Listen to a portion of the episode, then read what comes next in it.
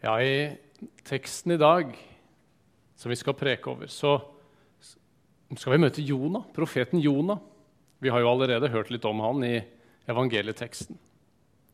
Og Jonah det er en utrolig dyp historie, bokstavelig talt også. Jonas, han, Jonah han gikk helt til bånns. Og Vi tenker barnebibel, kanskje, og vi tenker stor fisk. Og vi tenker en eh, trassig profet. Og det stemmer, det er litt av ingrediensene i den historien. Men så bor det så mye mer der også. Og Vi skal lese et utdrag fra Jonas' tur til Ninive ganske straks. Men før det så må vi spole litt fram til begynnelsen for Jonah. Ta med noen ting på veien. For Jonah han fikk et oppdrag av Gud. Det kjenner vi til. Dra til Ninive. Rop ut at Gud ser ondskapen der. Ninive det var hovedstaden i Asyrerriket. Og asyrerne det var den verste krigsmakta som var sett fram til da. En enorm krigsmakt. Et grusomt, brutalt folk. De inntok byer, og de flådde lederne levende for å sette et eksempel i de byene de inntok. Det har man funnet steintavler og beskrivelser av dette her fra Asyreriket i det som finnes i Sanna i, i nåtidens Irak. Tenk på nazistene. Tenk på IS. Det var et sånt type folk. Grusomt folk. Og så får du beskjeden. Reis inn, du. Reis sentralt i Berlin. Og rop ut. Dette liker ikke Gud, det dette holder på med det dere holder på med nå. Gud kommer til å dømme dere. Det var oppdraget Jonah fikk. Og Jonah han er ikke spesielt imponert over Guds plan. Og Årsaken er ikke som du først tenker, at Jonah er redd for sitt eget liv. Det ser ikke ut som det er det han er redd for, men han er redd for noe annet. Og det skal vi komme tilbake til litt seinere. Men Jonah han velger isteden å dra stikk motsatt vei og sette seg på båten til eh, langt vekk i stand. Til verdens ende, til Tashis, som var en by som lå så langt unna som man på en måte kjente verden den gangen. Helt ute i Spania, ved der Middelhavet slutter. Der skulle Jonah. Så langt vekk som mulig. Som vi vet, så gikk ikke fluktforsøket spesielt bra for Jonah. Jonas skal flykte fra den Gud som har skapt havet, og han velger å gjøre det til sjøs. Hele situasjonen er ganske ironisk. Stormen kommer over dette skipet som er på vei til Tashis, som skal bli Jonas' vei bort fra problemene sine, bort fra Gud. Jonah han ligger sovende under dekk i stormen. Sjøfolkene de ber til alle sine guder.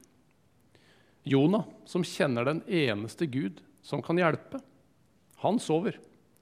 Lykkelig over at han har kommet seg vekk fra Gud og hans plan. Er jeg like blind og døv over resultatet av min synd og mitt opprør i livet mitt som det Jonah var? Og min flukt fra Gud? Gud han sendte stormen for å vekke Jonah til omvendelse og han kan sende stormer på oss også. Så blir Jonah vekka, og han innrømmer ganske raskt at jo, det er nok pga. meg at denne ulykken har kommet over dere. Så kunne vi tenke at da Nå blei det omvendelse og, og, god stemning. Men i stedet så tyr Jonah til plan B. Kast meg over bord. Ja, da blir det i hvert fall ikke noe tur til Ninive. Da er jeg helt sikker på å slippe unna. Det er ikke så lett å lure Gud og smette unna hans plan. Så heller ikke den metoden virker for Jonah. Jonah han finner sin grav i en stor fisk, og i tre dager så sitter han der. Og han omvender seg omsider til Gud. Blir spytta ut på land igjen. Og nå er det ingen vei utenom. Jonah skal til Ninive for å forkynne. Og Det er da vi leser teksten vår i Jonah kapittel 3, fra vers 3. Jonah sto opp og gikk til Ninive, slik Herren hadde sagt. Men Ninive var en stor by for Gud, tre dagsreiser lang. Jonah begynte å gå innover i byen, og da han hadde gått en dagsreise, ropte han:" Ennå 40 dager, og så skal Ninive bli ødelagt. Da trodde folk i Ninive på Gud. De ropte ut en faste og kledde seg i sekkestrie, både store og små. Da kongen av Ninive hørte om dette, reiste han seg fra tronstolen og tok av seg kongekappen. Han kledde seg i sekkestrie og satte seg i aske. Han lot rope ut i Ninive, etter påbud fra kongen og hans stormenn. Ingen, verken mennesker eller dyr, storfe eller småfe, må smake noe som helst. De skal ikke beite og ikke drikke vann. De skal kle seg i sekkestrie, både mennesker og dyr, og rope til Gud av alle sine krefter. Hver og en skal vende om fra sin onde vei og fra sine overgrep. Hvem vet? Kanskje Gud vil snu om og angre og vende seg bort fra sin brennende vrede, så vi ikke går under. Gud så hva de gjorde, at de vendte om fra sin onde vei. Da angret Gud på det onde han hadde sagt at han ville gjøre mot dem. Og han gjorde det ikke. Ennå 40 dager, så skal Ninive bli ødelagt. Det var en preken på fem ord på hebraisk. Fem ord. Og For en passende tekst å ha med seg inn i fasteperioden. Gud tåler ikke ondskap. Gud vil straffe ondskapen. Ja, Gud ser det som skjer. Ja, tenkte sikkert denne kongen, men jeg har jo suksess, jeg har fremgang. Jeg har den fremste krigsteknologien som er på markedet. Jeg inntar verden. Nei, Gud, han ser uretten, og han ser ondskapen. Og noen ganger trenger vi å se de harde realitetene i øynene, vi også. Om 40 dager kommer dommen. Hva hjelper det da at imperiet har vokst? Så står det så enkelt. Da trodde folket på Gud. De ropte ut en faste, og selv kongen fikk høre det. Og hva gjorde han? Han gikk ned fra tronstolen, tok av seg kongekappa. De trodde Gud, de trodde Guds ord. Og så blei handlingene en konsekvens av den trua. Og sånn henger troen og gjerningene sammen. Jeg hørte sagt på den måten at det er troen alene som frelser. Som stolte lutheranere så vil vi alltid holde det så høyt vi kan. Kristus alene, troen alene, nåden alene. Men troen, den er aldri alene. Troen følges alltid av frukt. Det er i troens natur. For den troen, den fester seg til Jesus. Og nettopp det minner jo den teksten vi leste fra 2. Peters brev oss om. Sett derfor all deres iver inn på å la troen føyes sammen med et nytt liv.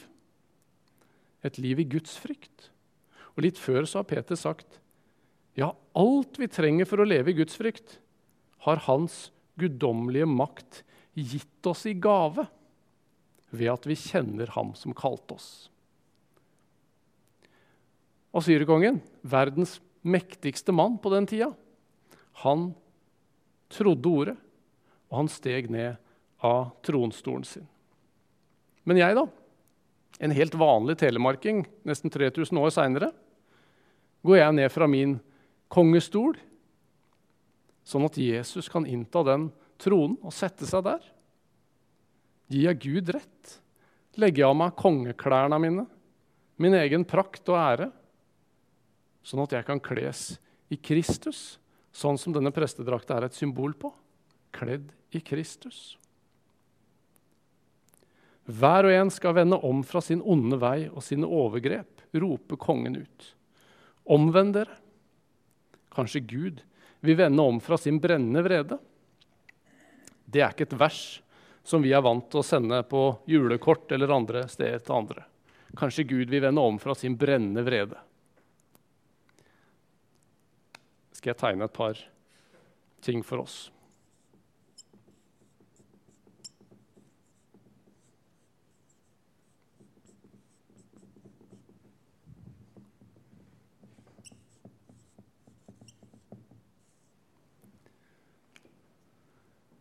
For er det ikke sånn at dette å prate om Guds dom og vrede, det, det er ikke noe vi kanskje vil av oss sjøl?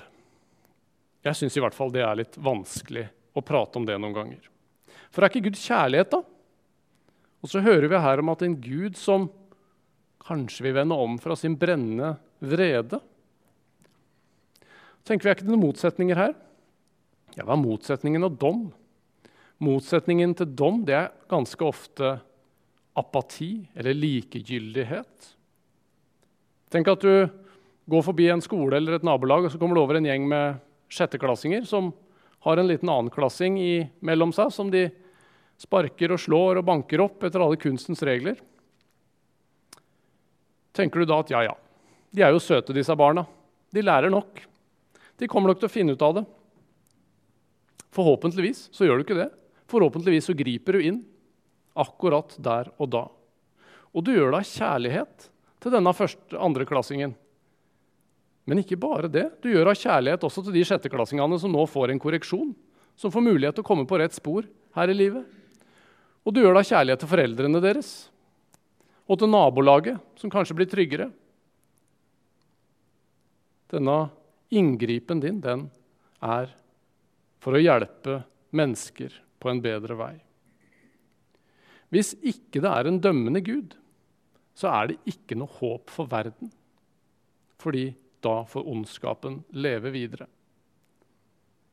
Men hvis det er en dømmende Gud, la oss være ærlige, så er det jo ikke noe håp for meg.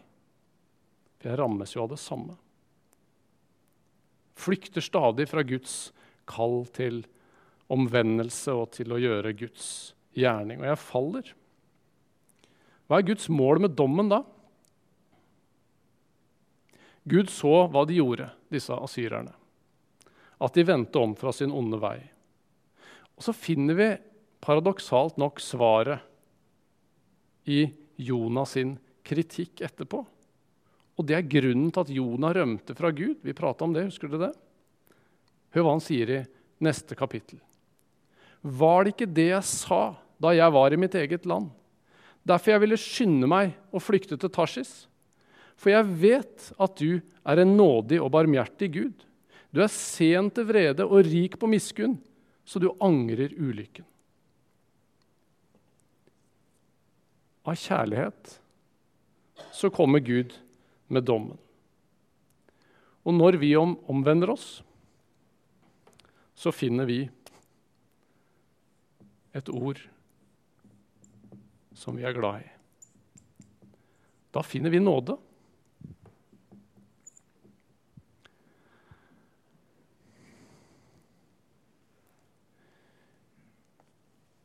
For Gud, med sin dom, han er ikke ute etter å knuse og ødelegge.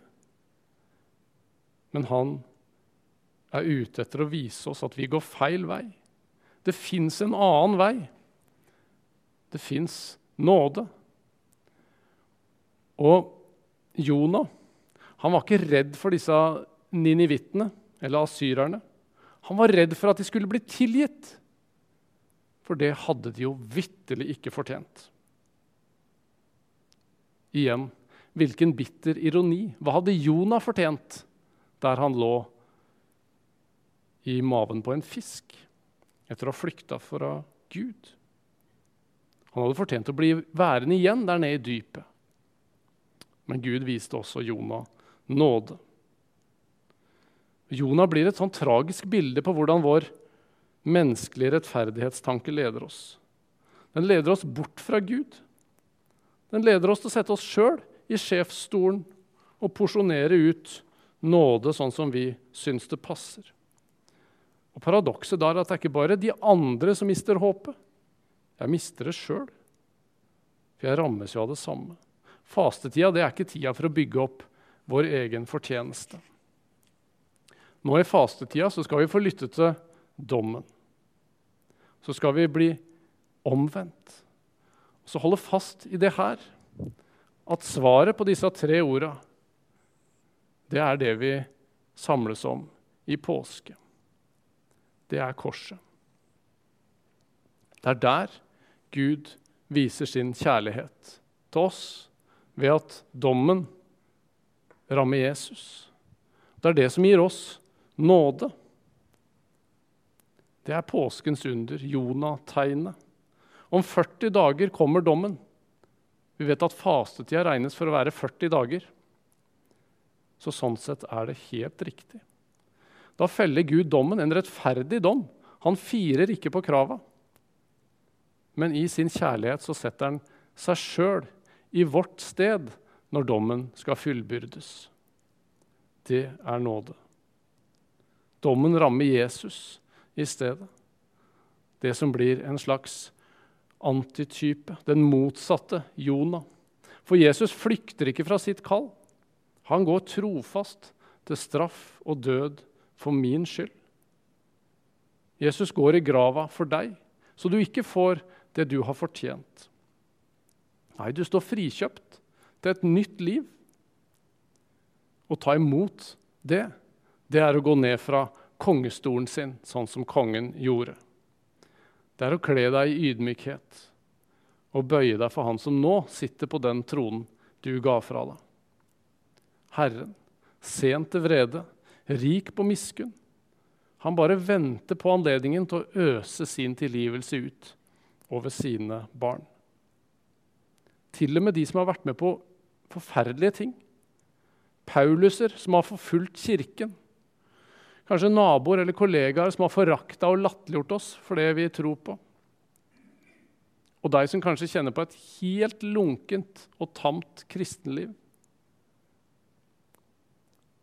Gud vil øse sin tilgivelse ut over oss og lede oss til omvendelse. For det er nåde å finne. Og hva leder Jesus deg inn i nå i fastetida? Er det bønnekamp? Vil han gi deg frimodighet og anledning til å be med noen til kirken? Enten det er via en lenke eller at vi kan samles igjen. Vil han gi deg besøkstjeneste hos familier? Vil han gi deg å fortelle og dele hva som gir deg mot i tunge stunder? Det er mange som nå kjenner på tunge stunder, og vi kan få lov å fortelle hva som holder oss oppe. Kanskje er det andre oppgaver. I eller utenfor kirken. Engasjere seg. Du skal ikke bekymre deg for det. Be Gud om øyne til å se hva du er kalt til der du er satt akkurat nå. Og din oppgave det er å vende deg til Gud. Tro på Jesus, kongen, kongen din. Du er tilgitt. Bruk fastetida til å rydde bort det som kan hindre deg i å se akkurat det.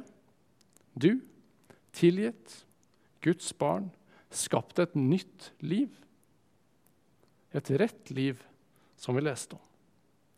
Den troen som får se det, den vil ikke bli stående alene. Den er ikke uvirksom.